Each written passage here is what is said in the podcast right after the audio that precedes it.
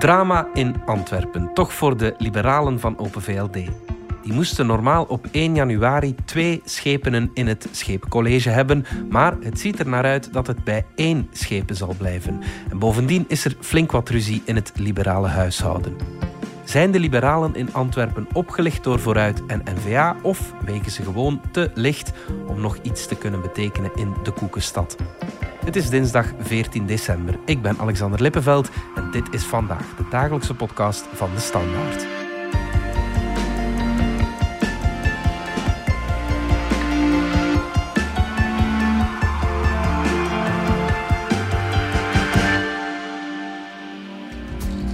Bart Brinkman van onze politieke redactie, bovendien ook Antwerpenaar. Mag ik het een uh, politiek drama noemen wat zich nu afspeelt in Antwerpen? Dat lijkt me zelfs een eufemisme. Het is een absoluut drama, niet in het minst voor uh, Willem-Frederik Schild zelf, mhm. maar ook voor, voor Open VLD in de Scheldestad. De partij heeft het al heel moeilijk, maar dit is, ik zal niet zeggen een genadeslag, maar het scheelt toch niet veel. Ja, schets de situatie is, neem ons eens drie jaar terug in de tijd naar de gemeenteraadsverkiezingen. Dus juist eh, drie jaar geleden werd het bestuursakkoord afgesloten. Daar hoort natuurlijk ook een verdeling van de uh, schepenmandaten bij. En toen werd afgesproken dat vooruit, toen nog SPA eh, ging starten met drie schepenen, Open VLD ging starten met één schepen. Mhm. En dat ging dan veranderen op 1 januari 2022. En dan zou er één schepen van vooruit doorschuiven naar VLD. Dus dan krijg je eigenlijk de verdeling 2-2. Mm maar ondertussen is er een wijziging in de krachtsverhoudingen. Er is een, lid, een gemeenteraadslid van PvdA overgelopen naar vooruit. Die mm zit op dit moment op zeven gemeenteraadsleden, terwijl Open VLD heeft er slechts twee. En ja, binnen vooruit was wel het gevoel dat men drie jaar geleden bijzonder slecht over de mandaten had onderhandeld. Dat had te maken met interne problemen, ook de, laten we zeggen, de koudwatervrees naar NVA toe. Dus het, het, gevoel bleef heel sterk dat men slecht onderhandeld had. En bovendien, en dat maakt het natuurlijk heel moeilijk voor Open VLD, door die overloper is eigenlijk VLD mathematisch totaal niet meer nodig in de coalitie. Dat was het eigenlijk ook drie jaar geleden niet. Maar toen was de meerderheid erg nipt en je weet maar nooit in zo'n gemeenteraad. Er kan veel gebeuren, maar dat is nu niet meer nodig. En dat is natuurlijk belangrijk om te beseffen. Open VLD is mathematisch niet nodig en dus heeft ze geen enkele mate van leverage om haar eisenkracht bij te zetten. Ja, maar goed, los daarvan, er is een akkoord. Ja, een akkoord moet je toch kunnen naleven. Ja, dat is natuurlijk zo. Alleen, ja, zo'n akkoord wordt vastgelegd in een voordrachtsakte. En op die voordrachtsakte staan drie namen. Namelijk Philip de Bakker heeft, denk ik, in 2019 ja, de politiek verlaten, woont ook niet meer in Antwerpen. Ja, die speelt dus bij gevolg geen rol van betekenis meer. Claude Marinauer, dat is de tweede naam op de voordrachtsakte, met name die moet stoppen op 1 januari 2022. En ook de naam van Erika Kallewaard staat op die voordrachtsakte. Dus er staan drie namen op en dus er staat één naam niet op. Dat is die van mhm. Willem Frederik Schultz. Er is dan één naam die verandert, maar los daarvan is er nog steeds een, een akkoord. Verandert dat dan allemaal doordat ja, de naam De Bakker verandert in Schilds?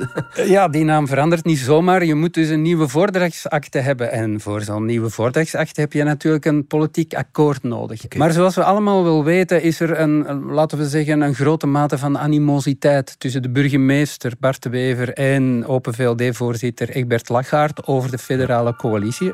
Mhm. Dus de, de sfeer is er niet naar om cadeaus te geven. Bovendien, um, dat is een tweede element er is een, een zekere animositeit ook rond de figuur van Willem Frederik Schulz. Open VLD heeft het wat lastig in Antwerpen, halen nauwelijks 5%. Dus ze hebben daar een sterke lijsttrekker nodig. En Willem Frederik Schulz zou die eventueel kunnen zijn.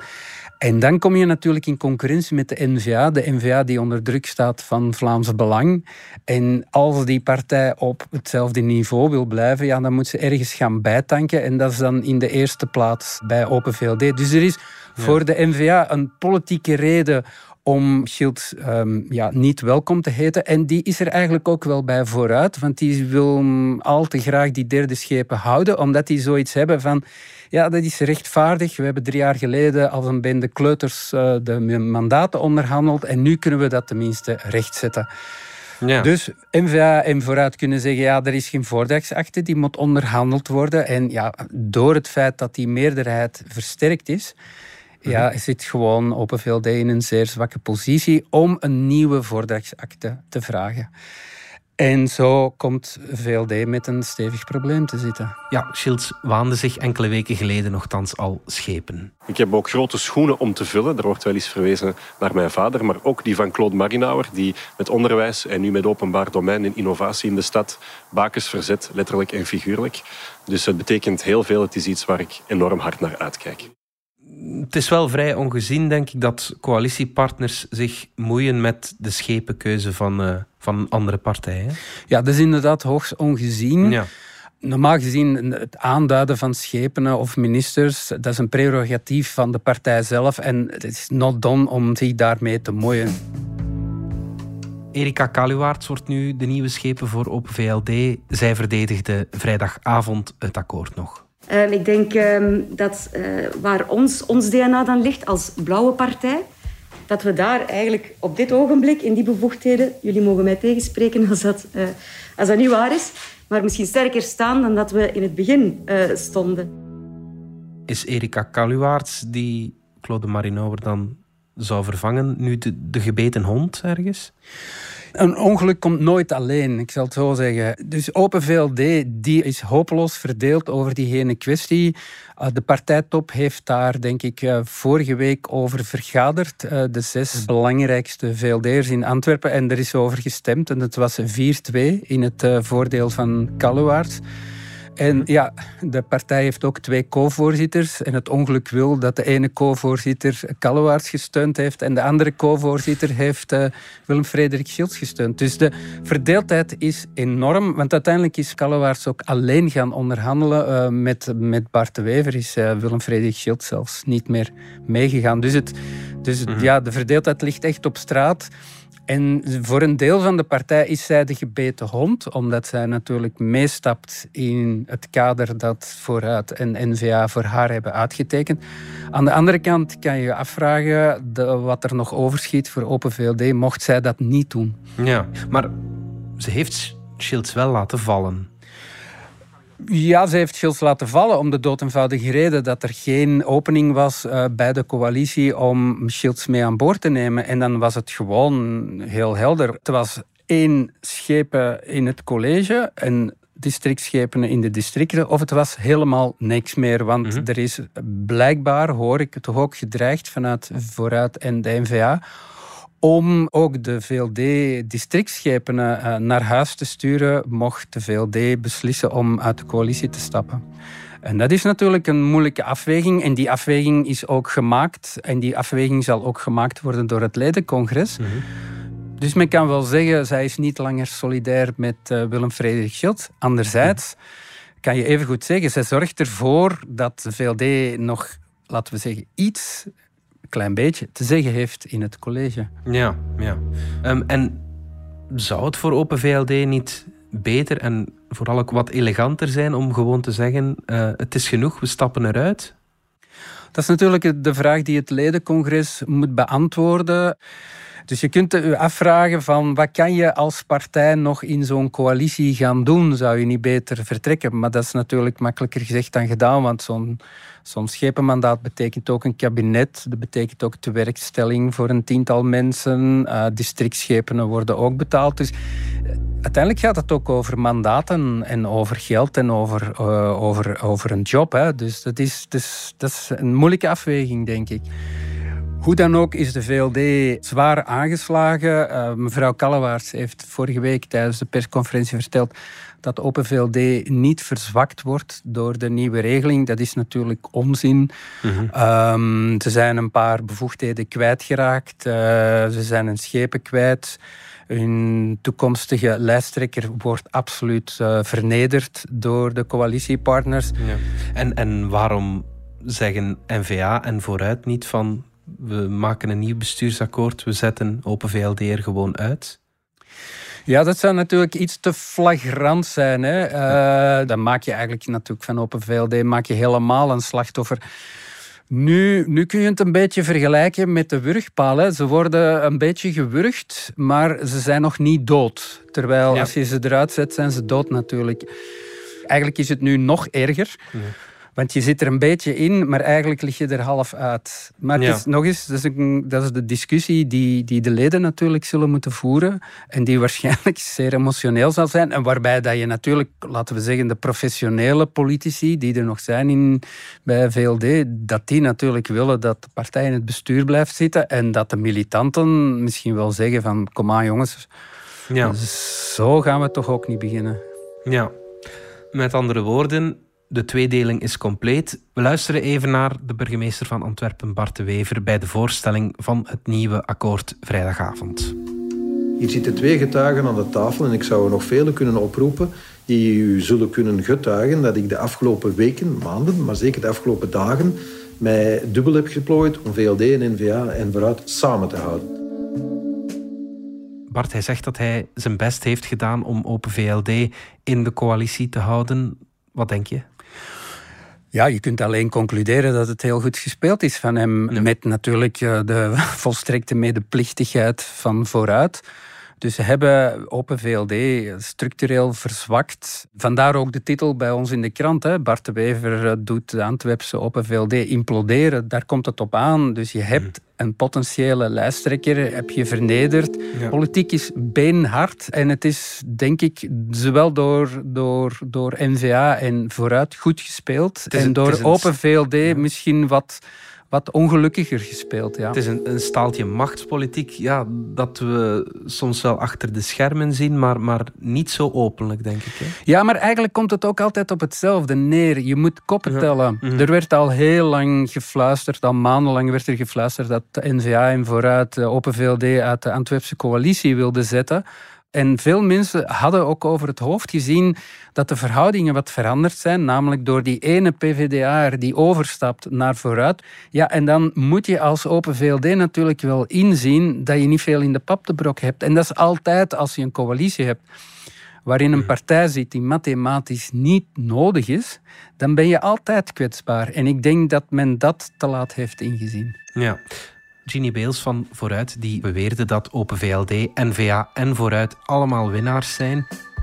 Ik denk dat we hier nu geen uh, oneenigheid moeten uh, stimuleren tussen ons drie. We zitten hier als team. Ik denk dat dat een heel helder signaal is naar de samenleving, naar de Antwerpenaar, dat we graag samen verder willen gaan. Ik verwelkom van harte collega Kaluwaerts vanaf 1 januari als collega Schepen. Ik kijk er enorm naar uit.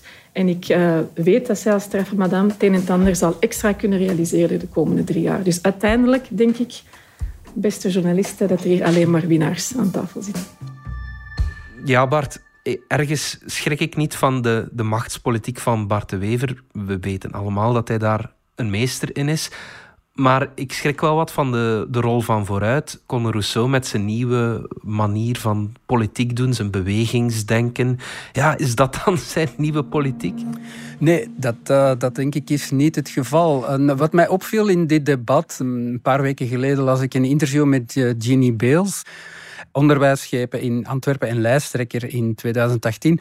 En het viel mij echt op hoe dat zij zich voordeed als een soort echokamer van Bart de Wever, waarbij dat ze al dezelfde argumenten overnam tegenover Willem Frederik Schild. Ja, en toen kon je eigenlijk concluderen dat het verhaal voor Schilds helemaal uh, verloren was. Want. Is natuurlijk wat linkser. Je zou kunnen zeggen dat hij toch dichter bij, bij Vooruit en Groen staat dan bij NVA. Met andere woorden, het zou op termijn een bondgenoot kunnen zijn tegenover ehm, de almacht van, van Bart de Wever. En dus wat Vooruit nu doet, maakt gewoon duidelijk dat zij erop rekenen dat die coalitie in 2024 gewoon zal worden verder gezet. Maar dan met twee partijen, namelijk N-VA en Vooruit. Je kunt zeggen, dat is even goed machtspolitiek. Uh, we houden onze derde schepen, wij krijgen wat extra bevoegdheden. En in 2024 zullen we er ongetwijfeld goed voor staan om die coalitie gewoon verder te zetten. Want de Wever weet natuurlijk ook, dankzij Vooruit hebben we Willem Frederik Schilds uh, ja, ik zou zeggen, naar de vergetelheid geflikkerd. Ja. Het is gewoon goed gewerkt samen. Ja, ja, ja. Er wordt vaak gezegd, als het regent in Antwerpen, dan druppelt het in Brussel. Is dit de manier van Rousseau om zich in de Vlaamse regering te gaan positioneren in uh, eh, 24? Want hij was er wel, of zijn ja, partij was er wel dichtbij. Hè? Dat zou natuurlijk wel kunnen. Um, alleen, ja, hij zal moeten wachten tot 24, want opnieuw koppen tellen. Maar het is natuurlijk wel zo dat de Wever in 2019 er wel degelijk aan dacht om ook in, op Vlaams niveau een coalitie te vormen met Vooruit. Alleen, en op eh, federaal niveau ook natuurlijk. Ja. En op federaal niveau ook. Maar alleen op Vlaams niveau stond tussen aanhalingstekens Sterke Jan in de weg. Want die wou absoluut niet met de socialisten uh, besturen. En dus heeft Jan Jan Bon daar toen een stokje voor gestoken. Ja, hoe de top van Open VLD reageert op de zaak, dat hoorden we dit weekend bij onze collega's van ATV. We luisteren even naar vicepremier Vincent van Quickenborne. Er is een belofte gemaakt eh, door de burgemeester van Antwerpen dat onze partij twee schepenambten zouden worden toebedeeld vanaf 1 januari volgend jaar. Dat is een belofte die zwart op wit op papier staat. Men heeft een woord gegeven. We gaan ervan uit dat het woord ook wordt gehouden. En onze partij zal zich eh, volgende week in de ledencongres eh, daarover uitspreken. Want als men de afspraken wijzigt, dan is het normaal dat een ledencongres daarover het laatste woord heeft. Wat zegt de nationale voorzitter Egbert Lachaert, Want het is natuurlijk niet niets. Hè? Antwerpen is de grootste stad van Vlaanderen. De, de, nationale voorzitter moet het een beetje ondergaan. Hij heeft uh, een paar weken geleden geprobeerd om Bart de Wever eraan te herinneren dat een akkoord moet worden nageleefd. Mhm. Maar dat heeft niet zoveel indruk gemaakt. Dus officieel houden ze zich op de vlakte. Alleen vinden ze wel dat de leden het laatste woord moeten hebben. En dus steunen ze ook het ledencongres om over ja, hoe dan ook die, deze nieuwe situatie te gaan oordelen. Ja, maar Open VLD en Antwerpen, dat is al langer een uh, moeilijk verhaal. Hè? Dat is inderdaad een heel moeilijk verhaal. Ik denk in het jaar 2000, dat is toch nog maar 20 jaar geleden, haalde de partij bijna 20 procent. Maar dat was toen tijdens de hoogdagen van Guy Verhofstadt. Dat hielp mhm. natuurlijk. Sindsdien is het alleen maar bergaf gegaan. Um, daar zijn een aantal oorzaken voor. En de eerste is natuurlijk nogal wat overlopers naar NVA. Er zijn een aantal VLD'ers die gewoon uh, ja, eieren voor hun geld hebben gekozen, die absoluut een betaald mandaat wilden houden. En dus mensen zoals Ludo van Kampenhout of Annick de Ridder, die zijn gewoon overgestapt. Dus dat heeft de partij onthoofd en heeft men geprobeerd om daar een nieuwe schwung te krijgen door mensen van buitenaf te importeren. Dat is gebeurd met Annemie Turtelboom. Later is dat ook gebeurd met Philippe de Bakker. Het zijn twee mensen die al vertrokken zijn terug uit Antwerpen. En nu wilde men dat proberen met uh, Willem Frederik Schultz. En dat maakt het natuurlijk zo dramatisch, omdat je een toekomstige lijsttrekker, ja, die raakt gewoon gewond. En dan is het gewoon de vraag of dat die tegen 2024 geheeld zal zijn. Mhm. om op een eh, sterke manier eh, de lijst te trekken. Mhm, mhm. Maar is dit nu de genadeslag voor Open VLD in Antwerpen, denk je? Dat is natuurlijk eh, wat sterk uitgedrukt, maar laat ik toch toegeven dat ik op dit moment geen enkel lichtpuntje zie. Oké, goed. Bart Brinkman, dankjewel. Met plezier gedaan. Dit was vandaag de dagelijkse podcast van de Standaard. Bedankt voor het luisteren. Ken je trouwens DS Podcast al, de podcast-app van de Standaard? Daar luister je niet alleen naar onze journalistieke reeksen, je krijgt ook elke week een eigenhandige selectie van de beste nieuwe podcasts op de markt. Alle credits van de podcast die je net hoorde vind je op standaard.be-podcast. Reageren kan via podcast.standaard.be. Morgen zijn we opnieuw.